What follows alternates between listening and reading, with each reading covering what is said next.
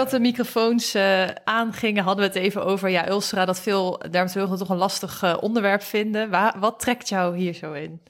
Ja, ik, het is eigenlijk gewoon zo dankbaar om een wond te kunnen genezen. Dus als de huid dan weer helemaal dicht is, ja, dat geeft zoveel voldoening.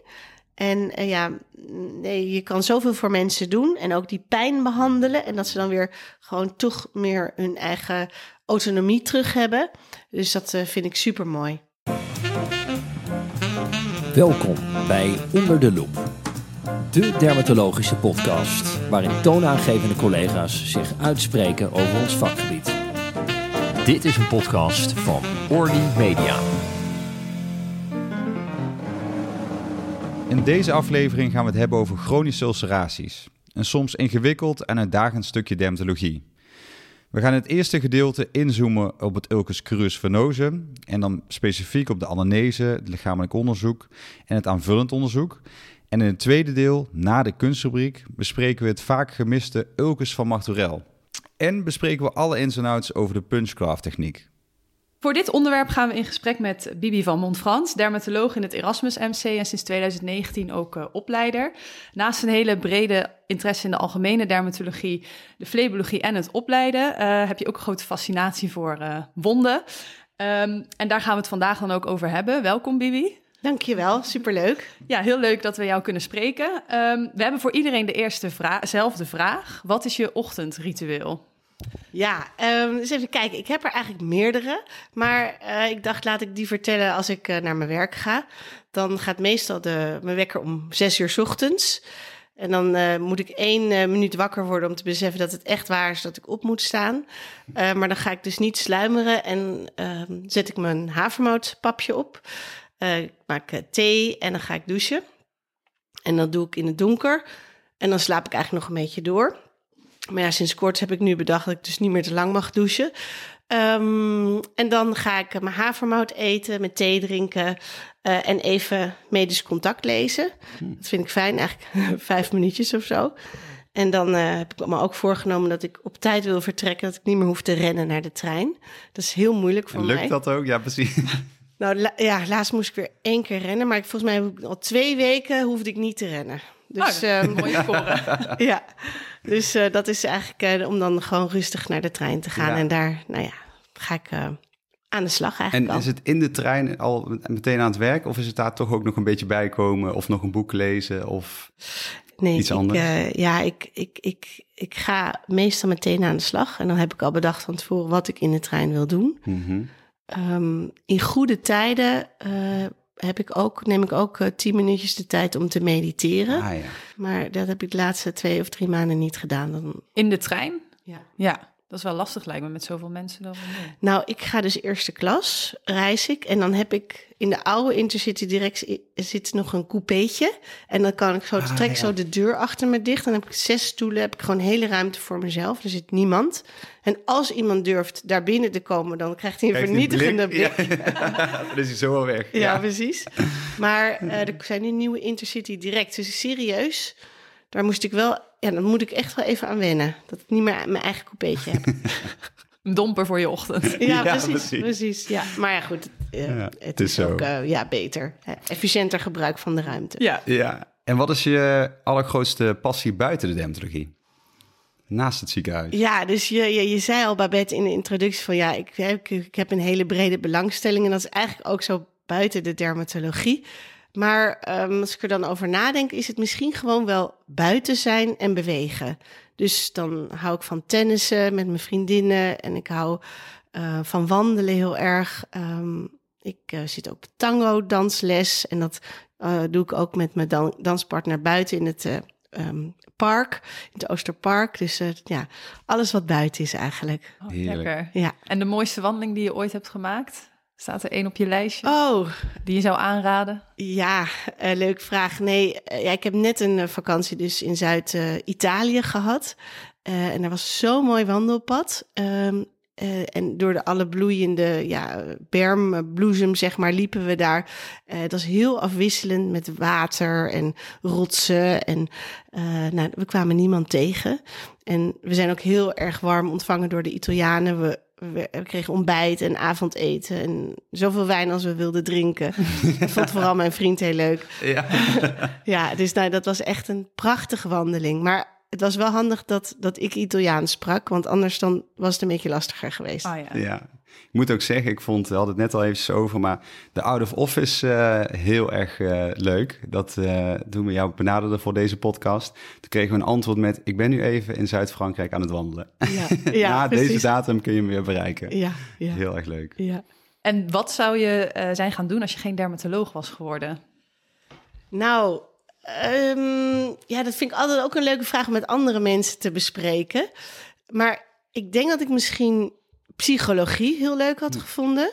Maar dat had ik toen niet bedacht hoor, toen ik ging studeren. Dat ik dat ook heel leuk vond. En daarnaast vind ik eh, ja, masseren ook heel leuk. Dus ik heb ook wel een keer een cursus eh, stoelmassage gevolgd. En eh, ja, ik zie je kijken. Het lijkt me echt heel leuk.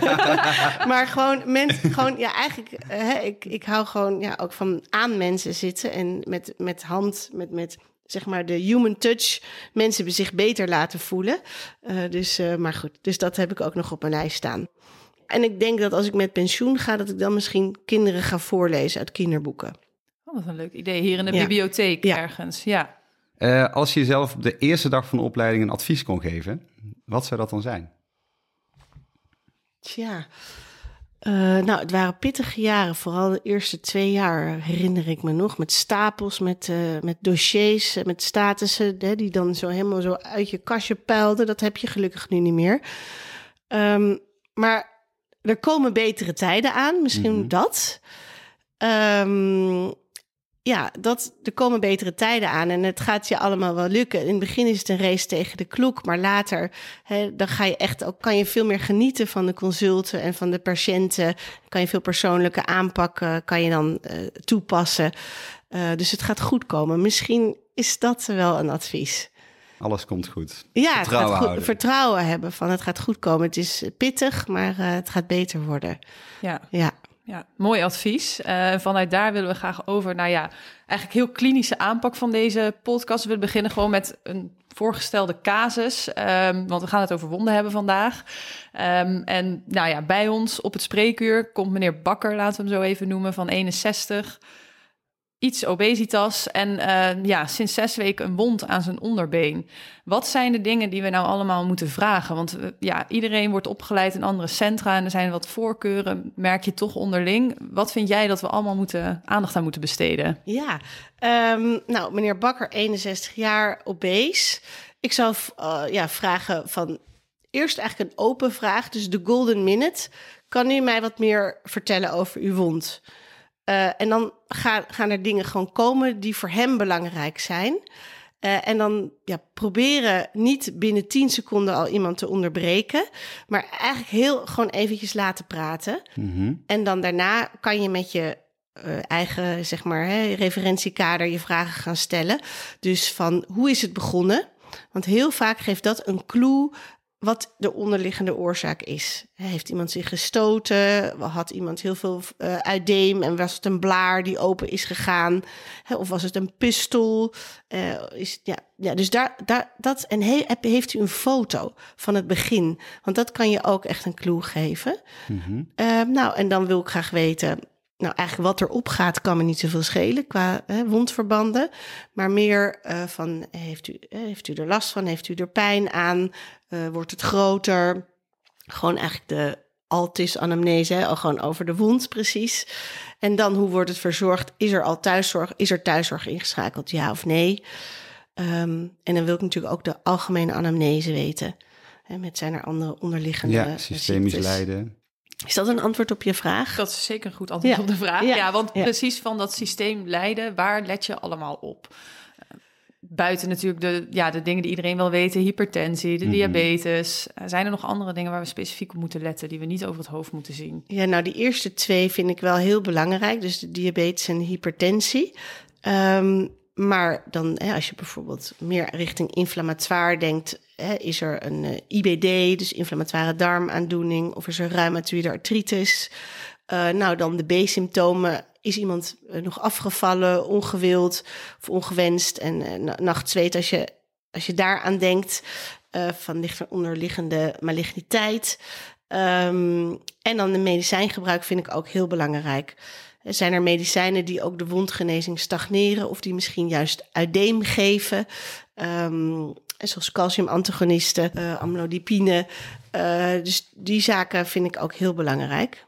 En staak of switch jij die zelf of laat je dat via de huisarts verlopen? Hoe pak je dat aan? Nou, als, iemand een bijvoorbeeld uh, een beta-blokker gebruikt en ik denk dat hij een hypertensief ulcus van Martorell heeft. dus die beta-blokker die kan uh, ja, meer vasoconstrictie geven, perifeer, wat we dan niet willen. Dan kijk ik altijd wie is de voorschrijvend arts. En dan vraag ik uh, in de brief die we dan schrijven, stuur ik ook naar die arts. En dan vraag ik daarvan, kan het vervangen worden? Of eventueel gestopt worden? Dus dan betrekt daar wel de voorschrijvende arts bij. En anders de huisarts als de patiënt het niet weet. Dat we het niet, dat gaan we niet zelf niet zelf doen. Nee. Altijd een overleg. Ja, toch wel echt. Want ja, je, je, moet toch ook de hypertensie goed behandelen. Ja, ja. zeker. Ja. Zeker. Nou, in die richtlijn van het Ulcus uh, Cruis Venosum, die is in 2017 uh, eh, herzien.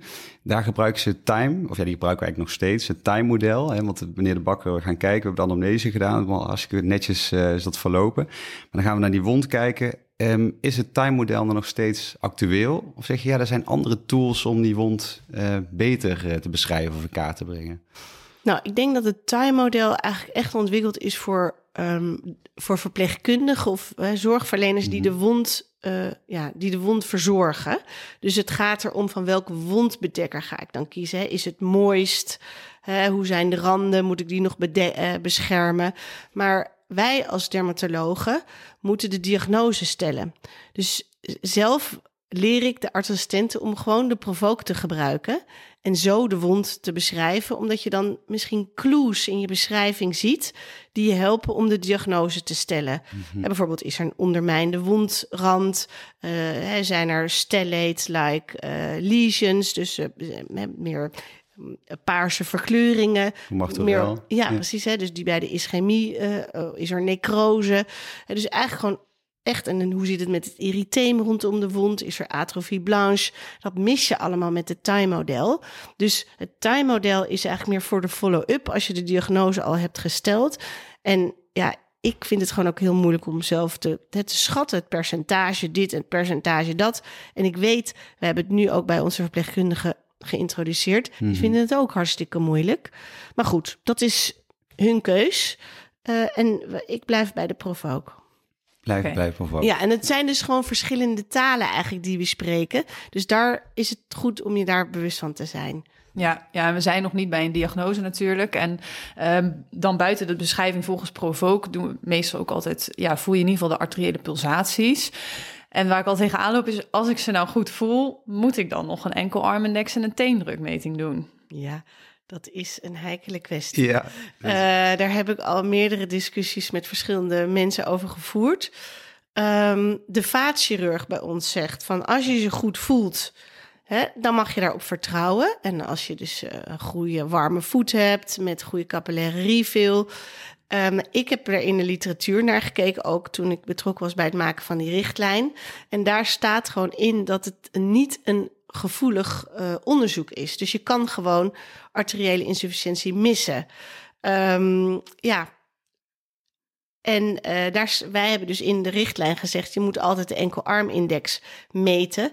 Of de teendruk, en dat staat eigenlijk nog niet in de richtlijn. Dat mm. moet er wel in gaan staan. Want mensen met een wond is soms best wel heel lastig. Um, maar nu is het een beetje doorgeschoten, vind ik. Want nu heeft zelfs de eerste lijn in zijn richtlijn haar richtlijn gezegd dat altijd voordat er gezwachteld moet worden, de enkelarmindex gemeten moet worden. Dus nu krijgen wij patiënten ja, teruggebouwd. Ja. Maar ja, gaan jullie maar even de enkelarmindex meten, want wij gaan niet zwachtelen totdat jullie dat gedaan hebben. Dus dan denk ik, ja, hier gaat toch iets mis, want je hoeft niet bij alle patiënten met een wond een enkel armindex te meten. Als het een jong iemand is hè, die gewoon niet gerookt heeft, uh, geen andere risicofactoren heeft, dan moeten we dat niet gaan doen. Dus daar uh, is nog wel een nood om te kraken.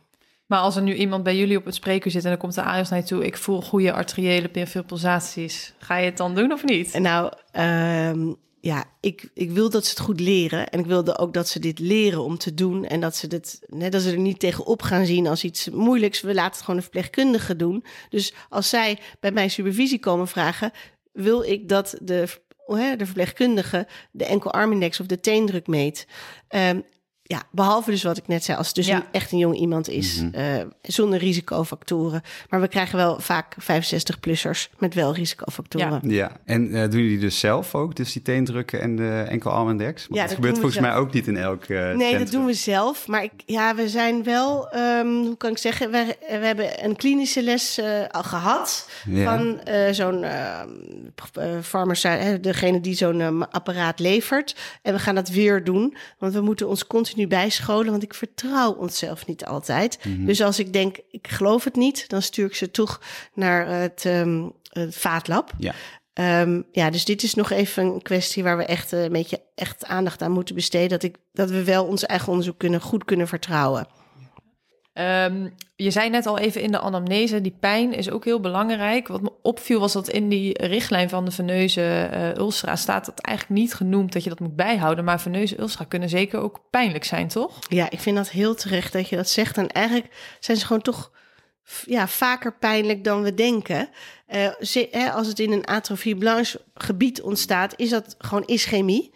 En kan al een mini speldenprikje wond super pijnlijk zijn. En nu je het zegt, dat is uh, echt een ondergeschoven kind in de richtlijn. En uh, hè, als stagnerende factor is pijn heel belangrijk, want daardoor kan het vaak niet schoongemaakt worden of verdragen mensen geen compressietherapie. Dus pijn moet heel goed aangepakt worden. En dat is eigenlijk misschien wel vaak de eerste stap die je moet doen bij de wond, hè, bij de behandeling. Ja, goede Die pijn, pijn goed onder eh, controle ja, krijgen. Ja, met de WHO-pijnladder. En dan hebben we natuurlijk vaak oude mensen. En dan geven ze wel uh, morfine. Mm um, maar een betere behandeling voor de pijn is eigenlijk om er kleine stukjes huid op te leggen. Ja, daar, ga, daar, komen wij zo op terug. Op. Ja. Deel 2. uh, maar de, het beste is dus de WHO-pijnladder. Of tenminste, hè, buiten wat je zelf aan de wond doet. Maar er zijn ook uh, wondbedekkers die bijvoorbeeld pijnstilling bevatten. Gebruiken jullie dat ook wel eens? Nee, eigenlijk gebruiken wij die niet. Uh, er zijn wel patiënten die daarbij zweren, die dat dus willen. Uh, maar daar, ja, het gaat dan, hè, is dat dan wetenschappelijk bewezen in RCT's? En is dan onvoldoende onderzoek om dat uh, te staven. Want er zit dan uh, biateen, IBU, of zo heet het, geloof ik. daar zit dus dan een NSAID in. Um, ja, weet je, in individueel geval, als iemand het al had en het wil houden, dan, dan mag dat natuurlijk. Maar eigenlijk geven wij dat, zit dat niet in ons assortiment. Oké, duidelijk. En uh, om zo'n wond te vervolgen, wordt er dan in de richtlijn wel gezegd: voel altijd de C-classificatie in, maar dat is in principe C6, ulcus, totdat het niet meer zo is. Nee, klopt. Uh, waarom moet je dat dan doen? Ja, dat is eigenlijk een hele goede vraag. He, want het is meer een. Uh, Hè, om de diagnose te stellen.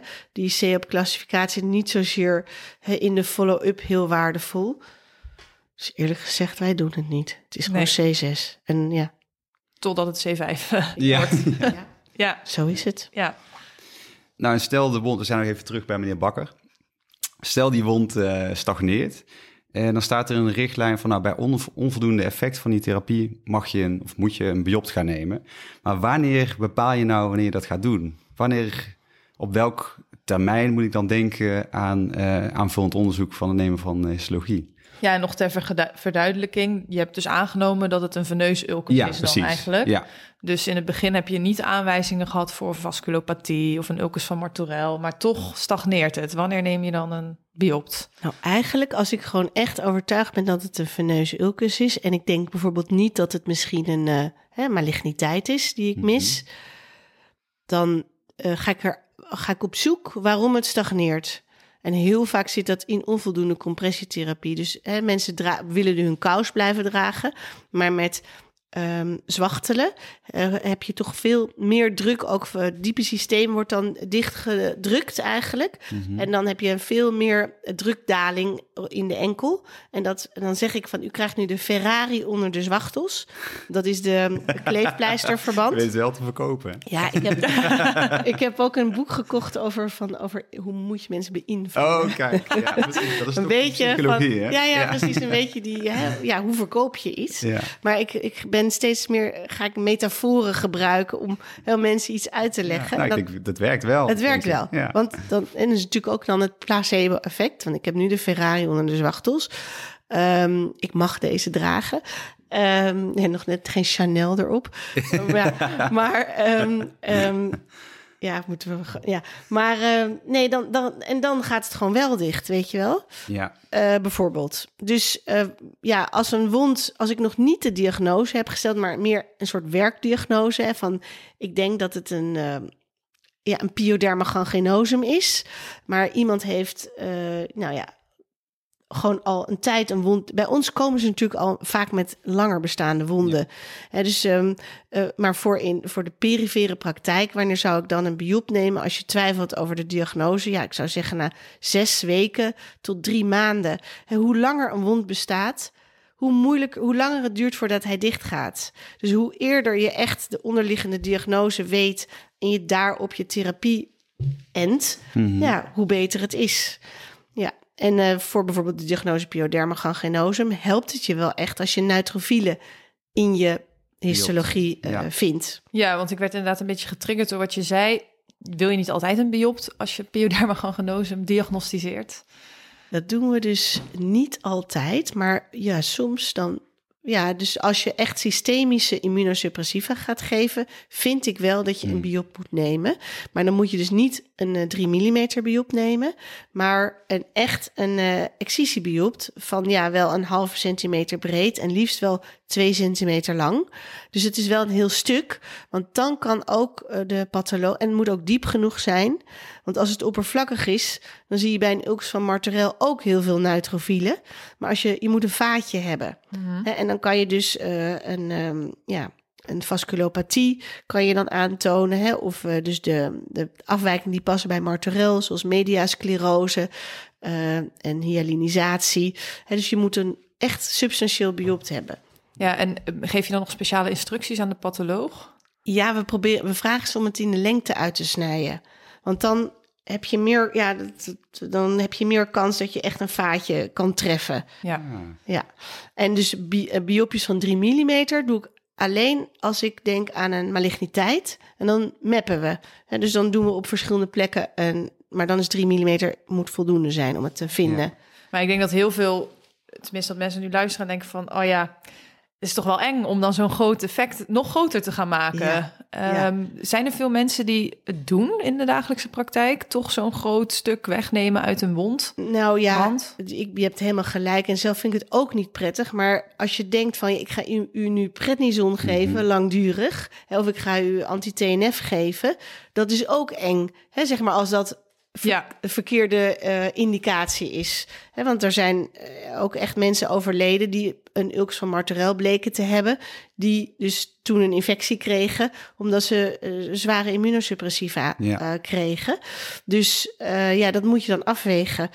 Maar goed, ik had bijvoorbeeld donderdag was er een mevrouw helemaal uit het oosten van het land gekomen. Met een wond al jaren. Nou ja, we dachten, ja, we moeten toch nu een biopt nemen. Of een, een incisiebiopt. Want dit is al zo lang. En missen we niet iets? Hè, hebben we dan aanwijzing voor ulcus van Martorell? Maar ja, ze, zij weigerde het. Toen dacht ik, oké, wat kunnen we dan voor u doen? Maar ze had gelezen over de punchgraft. Ah, Ah. waar we het zo over gaan hebben. Ja. Maar voor Martorell zeg je toch ook incisiebiopt. Nou, kijk, dat Of deed ik in het begin. Mhm. Maar nu heb ik het gevoel dat ik de diagnose eh, ja, beter met het blote oog kan stellen. Maar laatst was ik dus toch erin getrapt. Want toen dacht ik, ja, dit is een ulcus van Martorell. Maar toen bleek die patiënt dus eh, echt forse arteriële insufficiëntie te hebben. Dus grotere hè, vaten aangedaan. En ja, het was toen zo gelopen dat we niet meteen de vaatchirurg erbij hadden gehaald. Omdat hij elders al eh, bij de vaatchirurg was geweest. Hmm. Dus ja, ik bedoel, hier had misschien niet een biopt dan 1, 2, 3 geholpen, maar toch wel even verder nadenken hè, en samenwerken met je aanpalende specialisme. Dus een goede band met de vaatchirurg is heel belangrijk. En ook met de plastisch chirurg. Ja.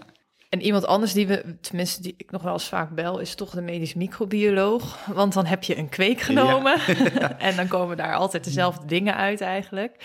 Ehm, ja, hoe zinvol is nou dat kweken in zo'n langdurig bestaande wond? En wanneer kweek je ook? Ja, Ja. Nou, eigenlijk is het dus gewoon niet zinvol, want je vindt altijd een dierentuin. Ik geloof dat Koos Sanders dat altijd tegen mij zei. Ehm, ja, en eh, wanneer is het nu zinvol? Kijk, als iemand plotseling meer pijn krijgt... en pijn kan een teken zijn van een secundaire infectie... of als je ziet dat iemand echt een cellulitis krijgt... eh, met eh, roodheid en zwelling... Ehm, nou ja, dat is dan ook een... dus dan kan je overwegen om een, om een kweek te doen. Maar de microbioloog, ja, die gaan we, hebben we ook uitgenodigd om bij ons binnenkort te komen praten. Want wij lopen hier ook vaak tegenaan. Dat je eigenlijk gewoon een diepere kweek moet hebben. Of het liefst een kweek van een stukje huid. Kweek- Hè, om een kweekbiopt. En dat doen we natuurlijk niet. Dus, eh, en, je, en de vraag is van, kan je niet gewoon blind hè, antibiotica geven... ehm, tegen Staphylococcus aureus als je aan een eh, cellulitis denkt. Ehm, dus ja, dat zijn... Ik denk dat we het nog te vaak kweken. Daar komt het op neer. ja. En wat er verder wel ook uit die kweek komt, is natuurlijk de pseudomonas. Ehm, wat, wat doe je daarvoor? Ja, en die kan je eigenlijk ook gewoon ruiken en Ja. zien. Dus de vraag is van, heb je er echt een kweek voor nodig? Maar goed, ik ben bijvoorbeeld nu heel verkouden, dus dat zou dan niet zo goed werken. Ehm, maar die pseudomonas, daar geven we azijnzuur voor. Dus eh gazen gedrenkt in 3% azijnzuur. En ik heb vrijdag ook een praatje gehoord over hoe het werkt in eh, Centraal-Afrika. En daar doen ze gewoon, eh is azijn, gewoon huis, keukenazijn is gewoon hun een van de drie medicijnen die ze daar hebben naast suiker en flamazine. Maar goed, dus azijnzuur behandelen we ze mee. Of flamazine. Of azol. Ook al is daar ook onder hè, geen mooie RCT's zijn daarover. Maar die drie dingen werken tegen eh pseudomonas. Ja, want ehm, waar veel wondverpleegkundigen ook bij zweren zijn de honing, Ja, de eh, honinggazen. gazen. Ja, ja daar werken wij, de, wij werken daar dus niet mee. Maar ehm, weet je, ja, ieder centrum of regio moet gewoon zijn assortiment hebben van misschien vijf verschillende typen wondbedekkers. En daar hè, een alginaat, een eh, foam, zo en zo door. En daar kies je dan uit. Eh, en de honing, die, daar werkt onze wondexpertisecentrum, dus dat, die, ehm, eh, opereren onder de plastische chirurgie. Eh, die werken wel meer met honing dan wij. Ja, het is een beetje een lokale voorkeur die wij dus niet hebben voor honing. Ja, precies. Maar het wordt dus wel, het is niet iets wat niet kan. Nee. Nee. Nou ja, in de richtlijn hè, staat dat er onvoldoende bewijs, Bewijs. voor is. Hè, dus het belangrijkste is dat je niet de hele tijd switcht van wondbedekker. En dat iemand een thuisapotheek aanlegt met allemaal ongebruikte materialen. Dat is eigenlijk belangrijk. Ja, want is dat niet soms toch best frustrerend dat, dat iedereen zo, dat er zo'n groot aanbod is van verschillende wondbedekkers? Zoals het Wilde Westen eigenlijk een beetje, dat iedereen zijn eigen voorkeur heeft. Ehm, en zou het niet veel fijner zijn als er eh, meer een beleid zou komen eh, waarop je allemaal ja, de neus dezelfde kant op dezelfde wondbedekkers gebruikt? Ja, daar heb je helemaal gelijk in. En als ik daar een praatje over hou, dan heb ik ook een foto van een jungle. Hè, met allemaal, en dan heb ik dan een paar, vijf wondbedekkers zo op, naast het paadje staan. Maar bijvoorbeeld het Erasmus, die doet aanbestedingen. Hè, en dan wordt er helemaal, heb ik net gehoord, er worden er testen gedaan door ons wondexpertisecentrum. En die kiezen dan het beste materiaal en dan gaan we daarmee werken. En dus dan proberen we het zo te beperken, inderdaad. En dat is ook heel goed als je dat in je regio kan afspreken met alle mensen van de thuis. Dat zou Ja, het beste zijn met de thuiszorg. Precies. Met iedereen, jongens, wij gebruiken dit. Ehm, en dat is het. Ja, Ja. ja. precies. En eh, nou ja, stel op een gegeven moment is die wond dicht, vooral bij een veneus ulcus, dan ehm, ja, therapeutische elastische kous. Hoe lang? Moet je, ga je dat aanraden? Ja, als iemand. Levenslang? Ja, eigenlijk wel. Ja. ja. Maar ja, mensen zijn natuurlijk niet heel eh, compliant daarin. Die gaan ermee stoppen. Heb je dan nog voorkeur voor juist een twee of juist een drie met het oog daarop? Ja, dus een uh, klasse 3 kous is eigenlijk de voorkeur. Maar ja, als die in de kast gaat liggen, dan is een klasse 2 kous beter. En dus je moet echt kijken naar wie zit, is, heb je voor je. En wat kan die nog zelf, hoe, eh, kan die zelf zijn kous aandoen? Dat is zo belangrijk. Dat iemand uh, niet de thuiszorg daarvoor twee keer per dag hoeft langs te laten komen. Ook in het kader van de zorgkosten. En dus we kijken ook naar klittenbandsystemen. Uh, ik heb nu ook weer een, een systeem gezien dat je een, uh, ja, een soort een kous kan oppompen. Hm. Dus zelf met een uh, klein pompje. Oh ja. dat is iets nieuws wat er aan gaat komen. -hmm. um, en dan, ja, dus die dingen. En dan hulpmiddelen voor de kous. Aan- en uittrekken. Ja. Dus ik, regelmatig vraag ik de ergotherapeut om bij iemand langs te komen. Dat zit ook in het basispakket. Dat weten veel mensen niet. Maar dan, volgens mij is dat 12 uur of 20 uur ergotherapie, heb je recht op. Dus die kunnen dan helpen. En er zijn iets van 20 hulpmiddelen om je kous aan en uit te doen. Oké. Dus daar uh, moet je ook echt uh, oog voor hebben. Ja, ja dat is een hele goede, goede tip. Laat je mensen dan uh, bij de ergotherapeut langs gaan? nee, de ergotherapeut die... kan thuis langskomen. Oké. Okay. Ah. Ja, we hebben ook uh, ja, er is ook een onderzoek nu, uh, loopt er uh, vanuit huidtherapeuten, die daarnaar kijkt van, ja, en hoe, ook, hoe, hoe kunnen we dat verbeteren?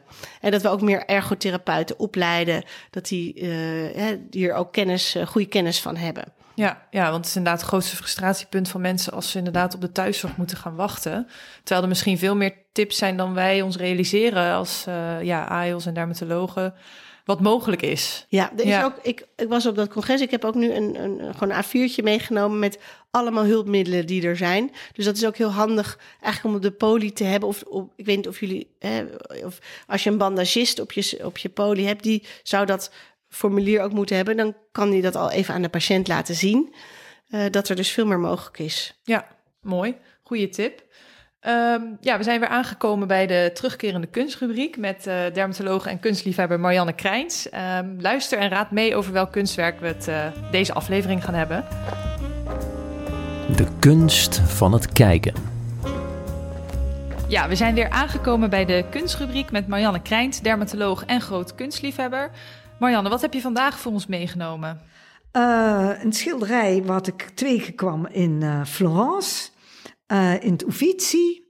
En uh, ja, er staan twee personen op en uh, ze horen bij elkaar, dat noem je pendanten. En ja, Luc zal beschrijven wat hij aan dermatologie ziet. Ja, wat we hier zien is een, een mannelijk en een vrouwelijk portret die elkaar aankijken, beide geschilderd vanaf de zijkant. En de man heeft in plaats van de linkerwang en ook de kaaklijn, in totaal een viertal scherp begrensde donkerbruine papels, best passend bij dermale navy. En de vrouw heeft een opvallende uh, nou, bovenarm, want daar lijkt het alsof, het een, uh, alsof haar hele bovenarm als een soort sleeve getatoeëerd is. Maar de vraag is natuurlijk of dat echt zo is voor een schilderij uit de 15e eeuw, of dat dit toch onderdeel is van haar jurk. Nou ja, um, ik denk dat tatoeages, uh, tatoeëren al een hele oude professie is. Uh, ja. Daar had je iets over opgezocht. Ja, ik heb, het, ik heb het net even opgezocht. En het blijkt dat de oudste ontdekking van een getatoeëerde menselijke huid... tot nu toe in ieder geval gevonden is op het lichaam van Utsi de IJsman. Daterend uh, tussen 3370 en 3100 voor Christus, Christus. En dat lichaam had maar liefst 61 tatoeages. En die werd gevonden in, de, in het gletsjerijs in de Alpen. Um, dus ja, dat mensen al een hele lange tijd tatoeëren is wel duidelijk. Ja, precies. Dat het, uh, nou, neemt steeds meer toe. Hè? Ja. We hebben tegenwoordig een tatoeagepolie. Um, ja, um, je ziet dus hier een man en een vrouw. De vrouw heet Battista Sforza. Uh, zij overleed op 27-jarige leeftijd. Hij was toen 50. Ze kregen acht dochters en één zoon. Uh, ook dit portret is geschilderd na haar dood. En uh, de meeste mensen die dit schilderij voor het eerst zien, die zeggen vallen over de neus. Uh, ja. En ja, die neus die heeft een beetje een deuk. Hè? En ehm, ja, sommigen zeggen is het een zadelneus. Ehm, maar wat de, de oorzaak is van zijn neus, is dat hij in een gevecht is hij getraumatiseerd en is zijn neus en wang beschadigd geraakt aan de rechterkant. En daarom heeft hij zich van de zijkant laten portretteren. En dat, er was een stroming in Italië, dat, uh, humanistische stroming, waarbij en profiel schilder opkwam. Dus uh, dat kwam deze graaf heel goed uit, uh, de graaf van Urbino, om zich zo te laten portretteren. En ja, ook hier gaat het om twee kleine schilderijtjes die tegen elkaar aanstaan in, in het Uffizi. En het creëert ook wel iets intiems, vind ja. ik, tussen ja. hun twee, ja, hoe zij zijn afgebeeld. Ja. Ja, en wat is de, de titel van dit uh, schilderij? Portret van Federico de Montefeltro, graaf van Urbino. Ik... Siri uh, gaat af. Ja, precies. Siri wil graag meedenken bij deze kunstfabriek. Okay, hoe kan dat nou, dat, dat hij ineens... Uh... is niet erg. Nou, heel erg bedankt weer, Marianne, voor, de, voor deze super interessante uh, feitjes uh, um, met betrekking tot dit uh, schilderij. En we zien elkaar bij de volgende aflevering. Precies. Kende je het schilderij? Nou, ik denk dat ik het wel eens gezien heb, maar ik wist niet hoe het heette of wat er op de afbeelding stond. Nee, het is ook een wat onbekender werk. Ben je wel een kunstliefhebber? Nou, ik denk dat ik steeds meer eh, van, uh, van kunst ga houden eigenlijk. Ja, dus ik, dat ik, dat ik uh, met twee vriendinnen gaan we dan ja, met enige regelmaat naar een museum toe. En dan, ja, dus dat vind ik echt ontzettend leuk. Daar raak ik wel geïnspireerd van. Ja. Nou, in het tweede deel gaan we het meer hebben over de behandeling. En ook het Ocus van Marturel. Want dat is toch een diagnose waar we vaak tegenaan lopen en die we nogal moeilijk vinden om te herkennen. Um, je hebt er veel over geschreven in verschillende publicaties. Allereerst, uh, hoe herkennen we nou uh, precies een ulcus van Marturel? Nou, het eerste eigenlijk is als iemand vertelt dat hij uh, een ondraaglijke pijn heeft. En net als ondraaglijke jeuk bij scabies heeft deze patiënt vaak ondraaglijke pijn. En kan hij niet meer slapen. En slaapt misschien al maanden in zijn stoel of hangt zijn been uit bed. Uh, om dus maar hè, die circulatie te bevorderen. Dus dat is eigenlijk, als ik dat iemand hoor zeggen, nou ja, dan of arteriële insufficiëntie mhm. natuurlijk, uh, maar uh, of een ulcus van Martorell. Dus, dus dat begint al bij anamnese. Ja. ja. ja. En wat ik dan wel lastig vind in het lichamelijk onderzoek, want er zijn natuurlijk bepaalde specifieke kenmerken, misschien kan je die zo toelichten, maar om dan ook het onderscheid te maken tussen bijvoorbeeld een wond op basis van een vasculopathie. Ja, Um, dus bij een vasculopathie, daar zie je vaak een trias van een livedo racemosa beeld, grillige ulcera en atrofie blanche. Atrofie blanche waar misschien nog niet eerder een ulcus heeft gezeten. Dus die trias helpt je. Um, en dat zijn dan ook vaak ja, misschien wat jongere mensen. Um, ja, misschien roken ze of hebben ze een stollingsstoornis. En dan bij een uh, ulcus van Martorell dat zijn toch vaak wel oudere mensen die langdurig bestaande hypertensie hebben. Uh, ehm, 15% van de gevallen of meer ook suikerziekte. En die hypertensie kan wel gewoon goed gereguleerd zijn. Dus ze zeggen soms: nee, ik heb geen hypertensie. Maar je ziet wel een antihypertensivum tussen hun medicatie staan. Um, en dan is het dus vaak op de laterale zijde van het onderbeen of bij de Achillespees. Um, en dan heb je eigenlijk een, ja, een grillig ulcus met paarse randen, met necrose.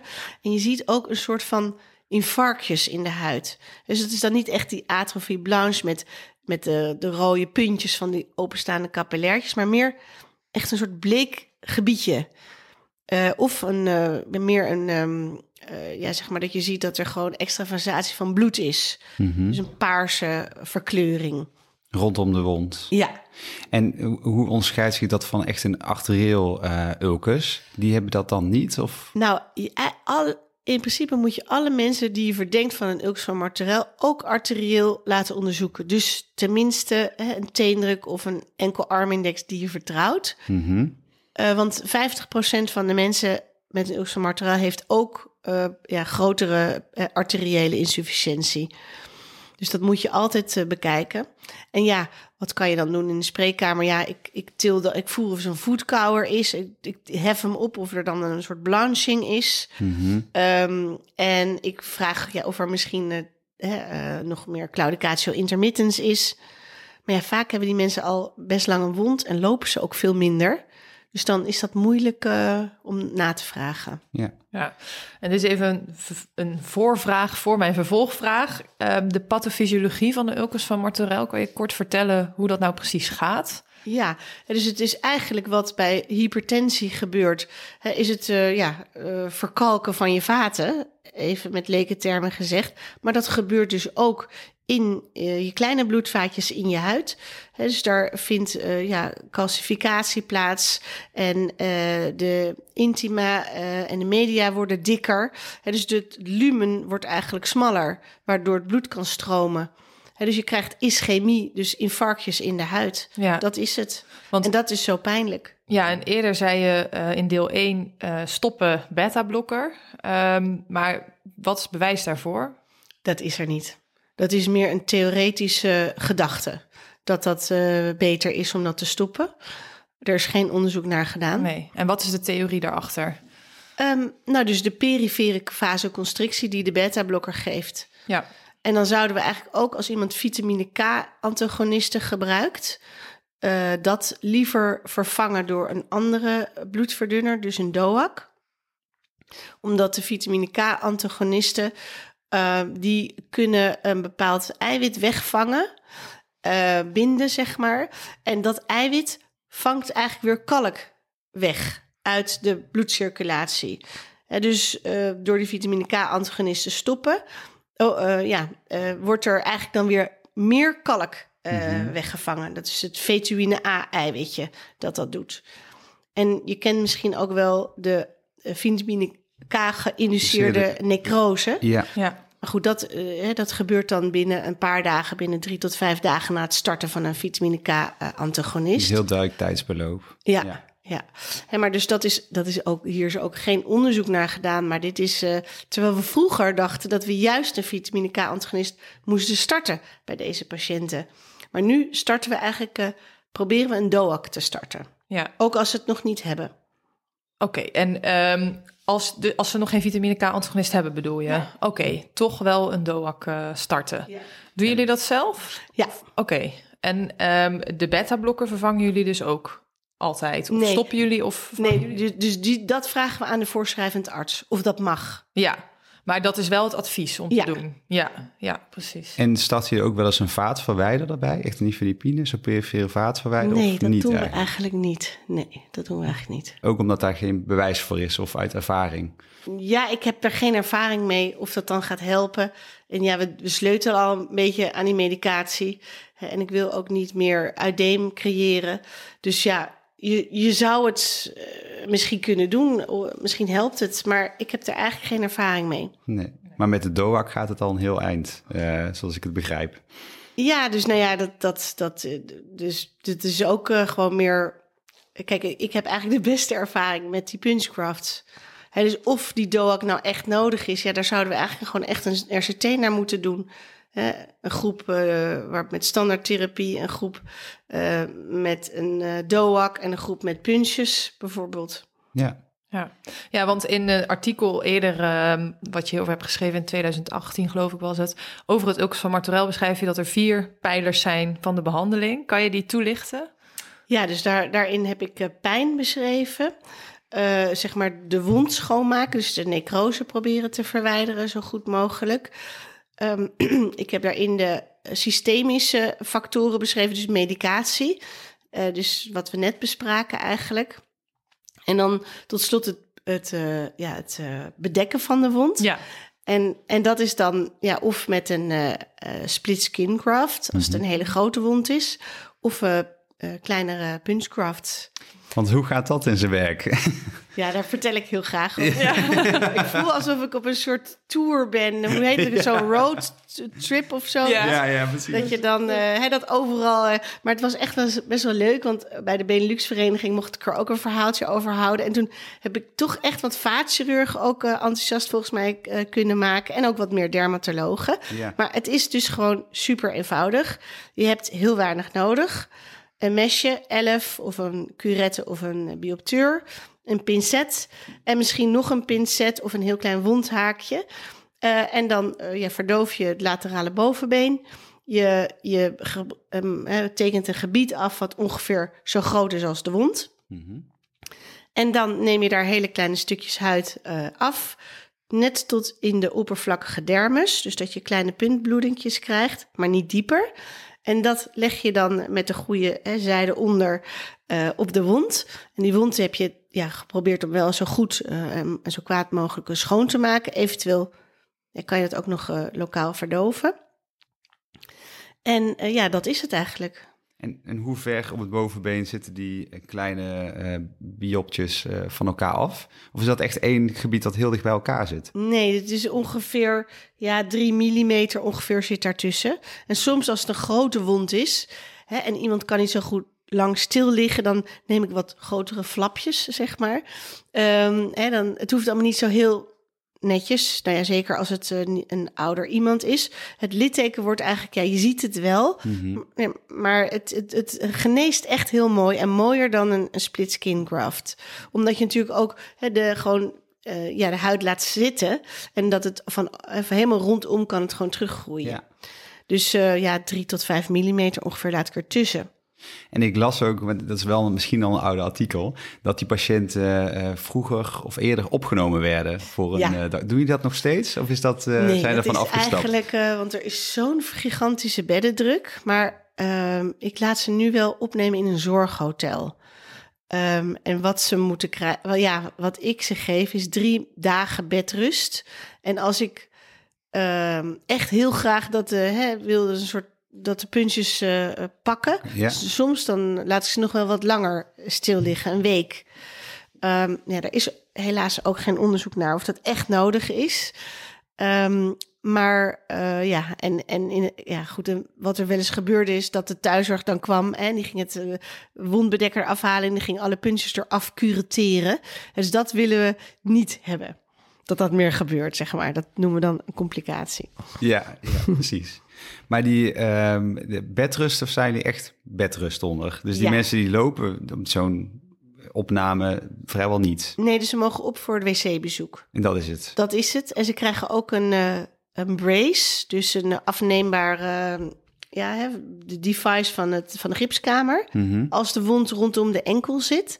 Want we willen dus niet dat ze hun enkel bewegen. Ja, ja. ja. Maar goed, je moet ook heel erg oppassen. Want binnen no time verliezen mensen hun uh, spier, spiermassa. Precies. Als ze stil liggen. Zeker bij ouderen, bij de oudere generatie. Ja. En ja, dus dat is dan altijd even een afweging. Um, maar ik heb toch het idee dat als mensen dus niet goed die bedrust hielden, dat het dan uh, minder goed pakt. Nou, dat kan je ook wel voorstellen natuurlijk. Toch gaat Bed bewegen. Op, hoog ja. en dan gewoon uh, zwaartekracht. Ja, dus uh, ja. Benen omhoog. Ja, maar we, en we zwachtelen ze ook altijd nog. Oké. Ja. En fragmin, denk ik. Ja, zeker. Nee, ja. dat is echt heel belangrijk om ja. niet te vergeten. Dus we hebben nu ook inderdaad gewoon sneltekst voor Hicks... waar alle puntjes in staan waar je aan moet denken. Ja, en um, met die bedrust dan dus, komt dan iedere patiënt echt daarvoor een aanmerking? Of zijn er ook wel eens, met een ulcus van Martorell, of zijn er ook wel eens patiënten bij wie jullie toch van afzien? Nee, eigenlijk niet. Want uh, ja, soms hebben mensen zoveel pijn dat je dus niet het uitdeem eruit kan zwachtelen. Mm -hmm. Dus die mensen nemen we nog wel eens op. En dan krijgen zij van ons pijnteam, daar hebben we inmiddels goede banden mee, uh, een blok, Poplitia-blok. Um, eerder gaven we ze dan, uh, weet je wel, een infuus met, met morfine. Maar dat, eigenlijk bleek die pijn niet te stillen. Dus uh, dat was heel moeilijk. Dus dan ga met, maar wel met een Poplitia-blok en dan zwachtelen. En dan, als het uitdemer uit is, dan de punchgraft of een splitskin erop. En als mensen een splitskin krijgen en nog een vacuumpomp, dan hebben we ook wel mensen met die vacuumpomp ja, opgenomen. Maar goed, er zijn ook zorghotels waar ze een vacuumpomp kunnen bedienen. En dan, dat hebben we nu ook al geprobeerd, dat mensen dan toch naar dat zorghotel met de vacuumpomp gaan. Ja, en um, nog heel even over die pijnstilling. Je zegt van een Poplitia-blok. Um, doe je ook nog wel eens iets anders als je zo'n debridement uitvoert van de wond? Um, nou ja, kijk, als het echt heel veel necrose is, een hele grote wond, dan uh, gingen mijn, ging mijn collega professor Prens of uh, Hessel van der Zee uh, wel een patiënt opnemen en onder narcose brengen en dan uitgebreid debridement doen en misschien ook ja, een soort van shaving van het ulcus. Dus een soort van smeller light. Mm -hmm. um, en dan vacuumpomp erop. En dan na een week pas uh, de splitskin erop. Dus dat is best wel een heftige methode, ja. dit. Mm -hmm. En dan is het ook maar, hè, dan, maar de vraag of ze die vacuumpomp verdragen.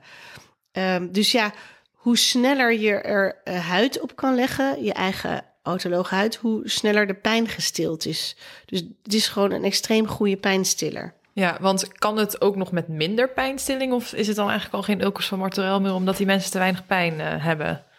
Um, nee, dus dit wat ik nu noem is extreme gevallen. Ja. He, dus uh, gewoon een standaard ulcus van Martorell... dan geven we ja, de, de WHO-pijnladder, dus uh, paracetamol, een NSAID... en dan tramal slaan we vaak over, maar dan gaan we dus naar de oxycodon... Um, en dan uh, gewoon polyklinisch de punchgrafts plaatsen, zo snel mogelijk, zo schoon mogelijk maken. En dan heb je pijnstilling en dan worden er anti-inflammatoire cytokines geproduceerd. Uh, en dat werkt namelijk pijnstillend, denken mm -hmm. we. Um, en hoe snel werkt dat? Hoe snel binnen merk een paar je... uur. Wow. Dus na, binnen een paar uur na die punchgraft merken mensen echt al pijnverlichting. Ja. Dat is bijna wonderbaarlijk. Echt wonderbaarlijk. Ja. Ja, super is het. Heel fijn. En dan zien we ze na een week terug. En dan vragen we, hè, we doen, we, we, houden dan bij van, heeft u uw pijnstilling af kunnen bouwen? Wat is uw pijnscore? Uh, en dan kijken we of ze, ja, in hoeverre ze aangeslagen zijn. Maar wat aangetoond is, is dat de, de take rate van de puntjes, dus um, uh, niet uh, de, de, hoeveelheid pijnstilling voorspelt. Dus als het ook al is het niet zo goed gepakt, toch hebben mensen een vermindering van hun pijnscore. Oké, okay, en dat is eigenlijk al een hele mooie winst natuurlijk. Ja. Mm -hmm. ja. En dan kan je het altijd, als het dus niet goed gepakt heeft, nog een keer doen en nog een keer doen. En het belangrijkste is om er niet heel veel tijd tussen te laten zitten.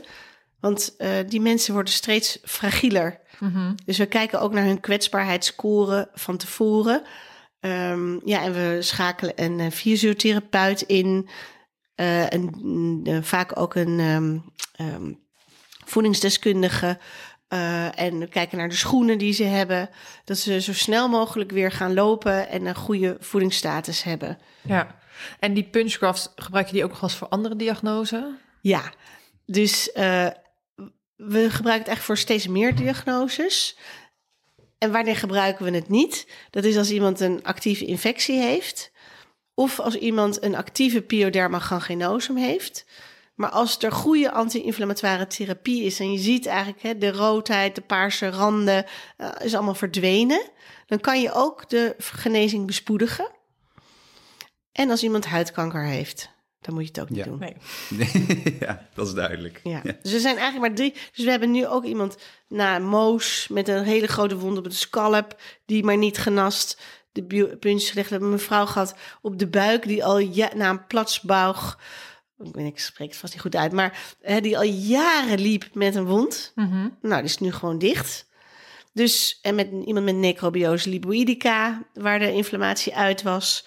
Hè, dus ja, je kan het op heel veel uh, wonden leggen. En ik heb nu ook weer even in de literatuur gekeken. Het wordt ook bij diabetische voeten gebruikt. Um, ja, dus misschien gaan we het allemaal steeds meer en meer toepassen. Dat Want is mijn hoop. denk ik wel toch kosten besparen. Want als iemand veel minder lang met een wond loopt, scheelt het heel veel kosten ja, op allerlei vlakken. Zeker. En is, want heb, is er enig zicht op hoeveel het gebeurt in het land? Dat probeer ik. Dan vraag ik dan of mensen hun handen opsteken. Oh, het is ja, toch ja. gewoon wel een handje. Nou ja, ik weet het niet. Maar het is toch echt een minderheid. Maar ook... Hè, dus ik heb heel erg gepleit binnen het concilium... om punchgrafts ook op EPA-niveau 4 te krijgen... Um, en um, ja, dus dat was eigenlijk heel lastig, omdat uh, dat is dus niet gelukt. Uh, dat iedereen het gewoon zelfstandig moet kunnen. Maar ik denk, ja, ik probeer het, hè, dat, dat je mensen meekijken, dat ze uh, een keer. Ik bedoel, in, het is zo makkelijk. Mm -hmm. Dus je hebt het al in één keer geleerd, zeg maar. Ja. In één dagje meekijken of zelf doen. Um, ja, dus dat eigenlijk. Is er een goede instructievideo online te vinden waarbij die punchgraph wordt uitgelegd? Ja, dus ik heb een e-learning gemaakt. En daar kan je dus helemaal een instructie, uh, heb ik een video. En hoe komen we bij die e-learning? Ja. Oei, ik heb een QR-code. Misschien kunnen we die in de die show notes Heel zetten. goed, dan gaan we in de show notes Goed plan. zetten. Ja. ja. En voor de enthousiaste dermatoloog die de e-learning uh, wilt gaan volgen, hoe zit dat met vergoeding? Vraag ik me af. Is er een bepaalde, is er een aparte ja. code voor ja. die dermatologen dan kunnen declareren? Ja, zeker. Er is een code voor. Uh, het nummer weet ik niet uit mijn hoofd. Nee. Maar, maar ook in de show notes. ja, precies, precies.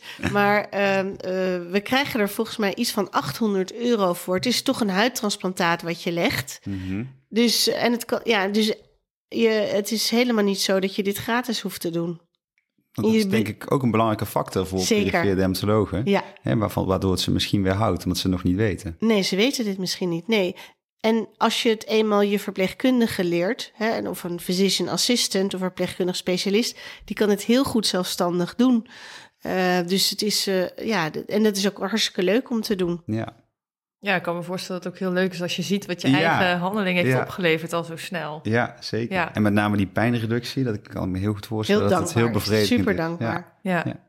En de laatste jaren is er ook steeds meer aandacht voor de voedingsstatus eh, eh, van een patiënt met een chronisch ulcus. Ehm, wat kun je daarover vertellen?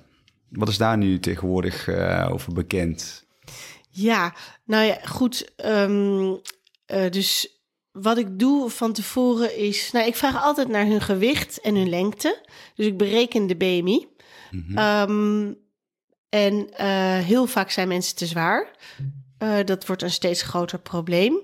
Ehm, en dan probeer ik ze nu eigenlijk eh, te kijken of, ja, of ze al afgevallen zijn, hè, wat ze al geprobeerd hebben in het verleden. Eerst vraag ik eh, hun toestemming of ik er wat over mag vragen. Eh, en als dat dan zo is, meestal zeggen ze ja, dan vraag ik of ze al afgevallen zijn, wat ze geprobeerd hebben. En dan probeer ik te kijken of ze gemotiveerd zijn om naar een leefstijlloket te gaan. Dat hebben we sinds kort nu in het Erasmus. Ehm, om te kijken eh, ja, of ze daar verder geholpen kunnen worden. Maar eh, ja, en als ik vind dat mensen gewoon ondervoed zijn, dan vraag ik de, eh de diëtist, hoe zeg je dat? Diëtiste. Diëtiste in consult. ehm, om te kijken of ze niet bijvoeding moeten hebben. Soms meet ik ook ehm, hun albumine. Als ik ze echt cachectisch vind, en dat is dan vaak verlaagd. En dat is natuurlijk ook een teken van kwetsbaarheid. En ook een teken van eh, dat het misschien ja, lang gaat duren. Ja. Ja. En het specifiek vragen om toestemming om deze vraag te mogen stellen, is het daar ook iets psychologisch in? Dat je mensen niet veroordeelt misschien? Of... Ja. ja, dus dat heb ik eh, ja, samen met een artsassistent die daar recent een praatje over heeft gegeven, eh, Cynthia van Amerongen. En zij ehm, eh, heeft een aantal artikelen bestudeerd, onder andere uit Medisch Contact. En dat gaat dus over stoppen met roken en over praten over overgewicht. Mhm. Ehm, en dan zijn er eh, ja, korte vragen die je kan stellen. Van eerst van vi- vindt u het goed als we het even als we het over het roken hebben of over uw gewicht hebben? En als iemand dan ja zegt, nou dan kan je eh, nog een paar extra vragen stellen. Vragen Wat over het roken. Ja, Ja. precies. Ah. Ja. Goeie tips. Ehm, en we hadden het net natuurlijk over die punchcrafts. eh, maar ja, nog verder is natuurlijk dat we zelf ehm, ja, weefsel gaan genereren. eh, of eh, ja, stamcellen gaan gebruiken. Hoe, wat zijn de ontwikkelingen daarin in Ulkusland? Ja, nou, ik heb eh, in- het verleden mee, meegewerkt aan een onderzoek ook in het VU Medisch Centrum. En daar hadden we dus, namen we puntjes af en die gingen we dan opkweken in het hui, in, in het laboratorium. En hebben ook gemeten wat voor cytokines ze allemaal produceerden. Dus dat was dan een soort turbohuid die we terugplaatsten. Ehm, maar helaas was dat onderzoek zo lastig uit te voeren. En hadden we een hele gemêleerde groep met eh, hard-to-heal ulcers. Dat eh, we het niet heel goed de effectiviteit konden aantonen. Ehm, maar ja, goed, eh, het liefst zou je natuurlijk eh, hè, een ja, stamceltherapie hebben. Hè, waarbij je huid gewoon kon opkweken zonder huid af, veel huid te hoeven afnemen. En die terugplaatsen. Maar ehm, ja, dat is denk ik toch nog een beetje toekomstmuziek. Ja.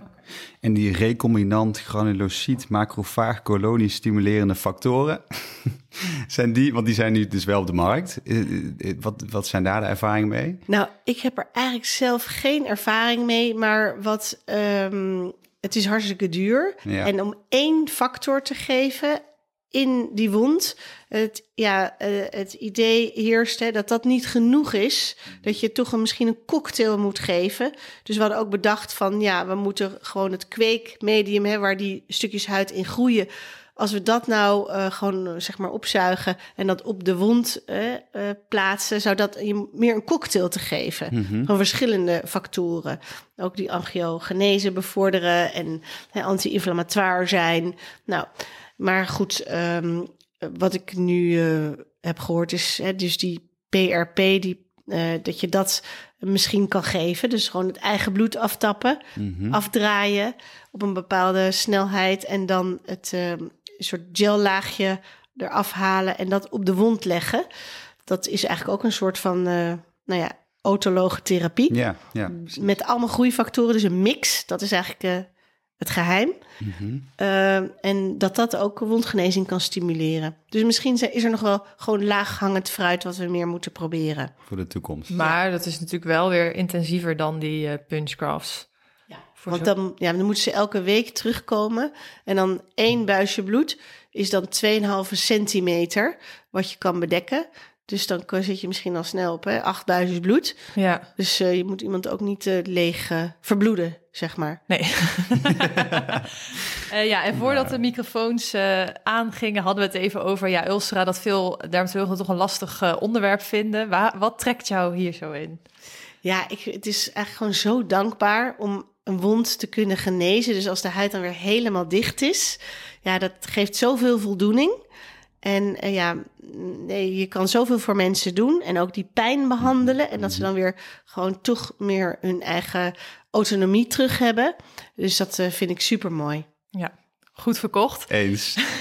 Nou, En eh, dan nog als laatste vraag, eh, heb je nog een tip? Want we hebben natuurlijk best wel veel tips voorbij horen komen, denk ik. Maar wat is jouw tip voor eh, of ons om mee te nemen naar de werkvloer?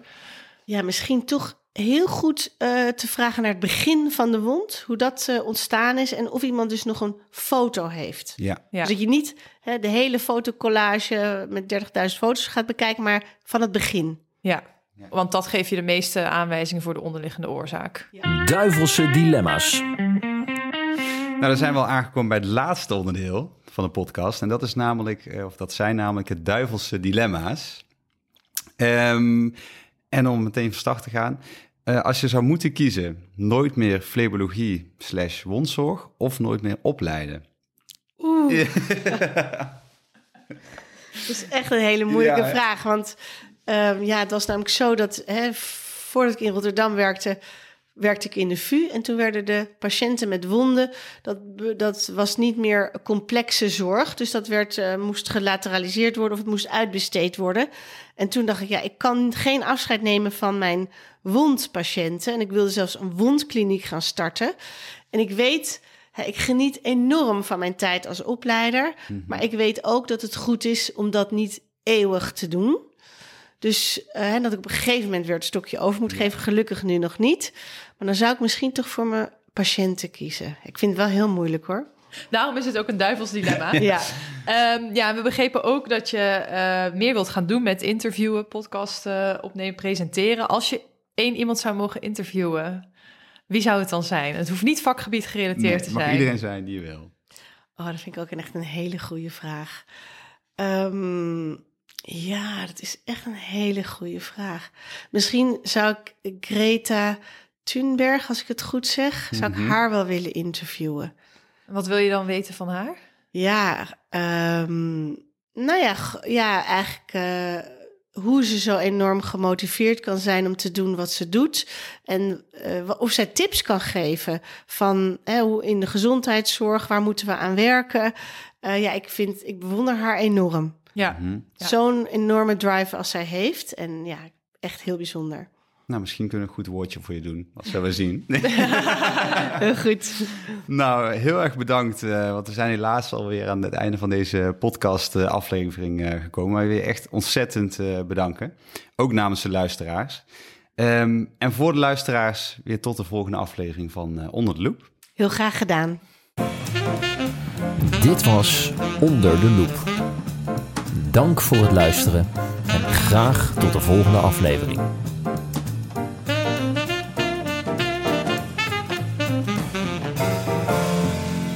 Dit is een podcast van Orly Media.